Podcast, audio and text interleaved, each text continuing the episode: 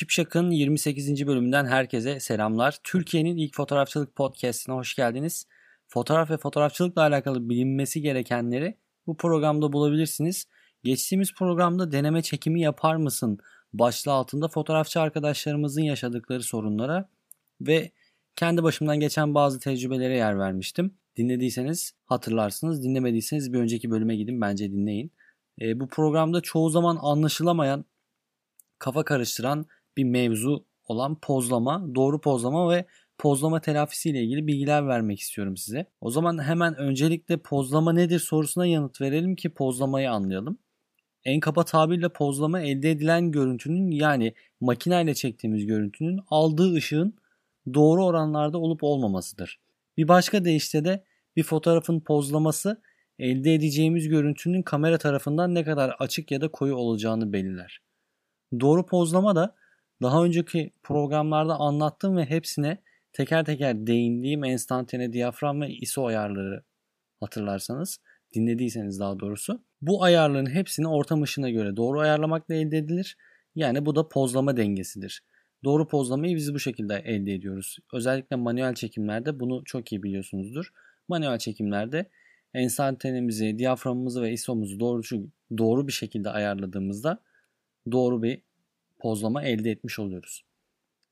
Ben sürekli manuel çekimde kullandığım için makineye pozlama dengemi bu belirttiğim 3 kritere göre ayarlıyorum ve ortamdan aldığım ışığa göre en doğru ayarları ayarlamaya çalışıyorum, yapmaya çalışıyorum.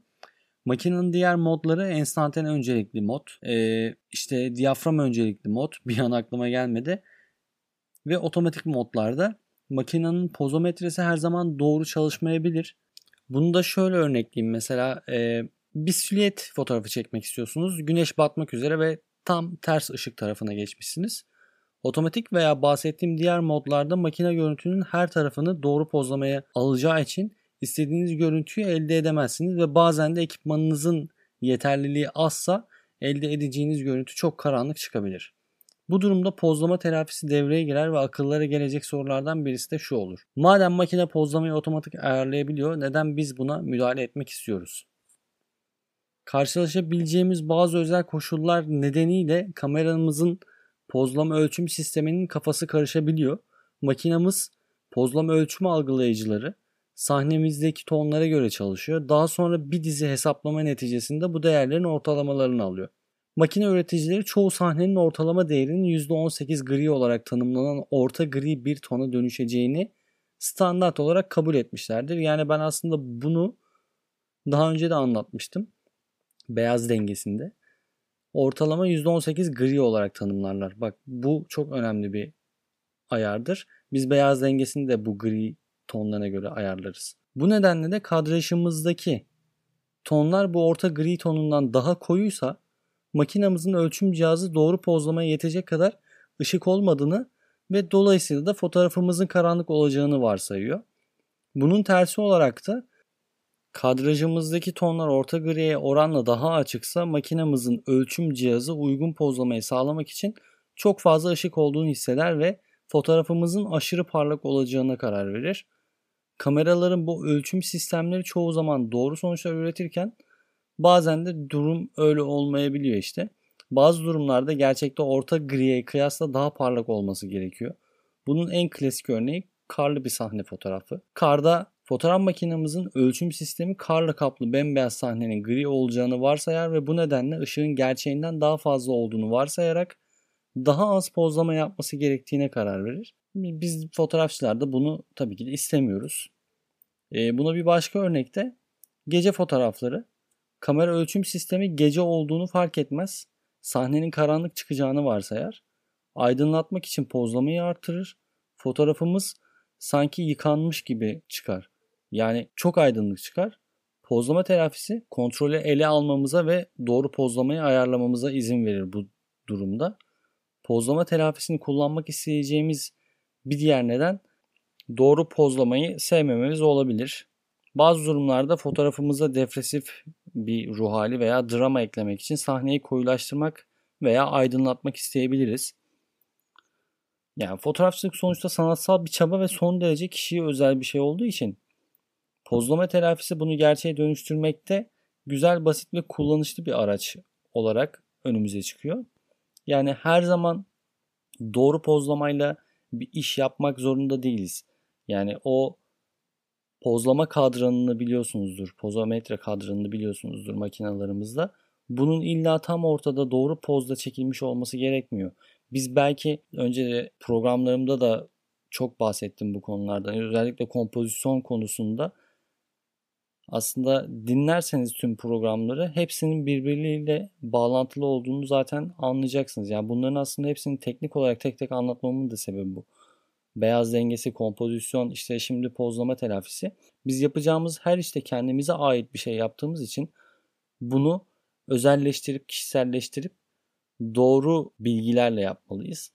Bu yüzden mesela DSLR kameralar bize çektiğimiz fotoğrafların sonuçlarını hemen kontrol etmemize imkan tanıyorlar. Bir fotoğrafı çekiyoruz. LCD ekranda gördükten sonra daha parlak sonuçlar için post telafisini yükseltebiliyoruz veya daha koyu sonuçlar için post telafisini düşürebiliyoruz. Ve hemen başka bir fotoğraf çekip test edebiliyoruz. Önceden filmli makinalarda bunları test edebilme gibi bir durum söz konusu değil ve çok fazla zaman alan şeylerdi. O yüzden kişiselleşme teknolojiyle beraber daha da kolay bir hale geldi. Herkes kendi tarzını, kendi istediği şeyi anında ve hızlı bir şekilde yaratabiliyor. Ayrıca fotoğraf makinalarımızın kendi menülerinde de biz ortama göre yine kendi EV değerimizi belirleyebiliyoruz. Artı 1 EV veya da eksi 1 EV ya da bunu artı 3 veya eksi 3 EV değerlerine de çekebiliyoruz. Bu arada EV nedir diye çok soran oluyor. Eğer sorarsanız sizde açıklaması exposure value yani pozlama değeri. Bu değerler kompakt fotoğraf makinelerinde artı 3 ve eksi 3 EV profesyonel makinalarda da artı 5 ve eksi 5 EV aralığında 1 bölü 2 veya 1 bölü 3 basamaklama ile poz düzeltmesi yapılabilir. Yani bu sayede diğer ayarlara dokunmadan pratik olarak daha aydınlık veya daha karanlık bir fotoğraf çekebiliyoruz. Bu arada müsait bir zamanınızda Google'a pozlama üçgeni yazın ve onu inceleyin bence. Doğru pozlama yapabilmemizin şematik açıklaması diyebilirim onun için.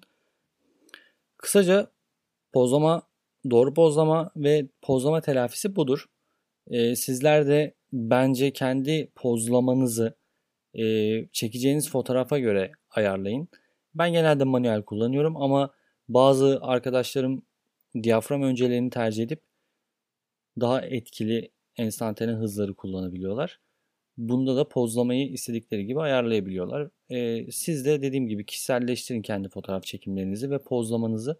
İlla her şeyin doğru olmasına gerek yok. Doğru pozlamayı yapmanıza gerek yok. Eksi pozlama yapabilirsiniz. Karanlık ve dediğim gibi dramatik fotoğraflar elde edebilirsiniz. O zaman bu haftalık bu kadar diyorum. Yavaş yavaş doğru pozlamayı da anladıysanız şayet bence e, programı başından bu zamana kadar dinlediyseniz de fotoğrafçılık hakkında pek çok şey öğrenmiş olduğunuzun umuduyla kapatıyorum bu bölümü. Son olarak beni UG Sengul ve Sipsakbot Instagram adreslerimden takip edebilirsiniz. Soru ve öneri için de sipsakbot.gmail.com adresine maillerinizi bekliyorum. Bay bay.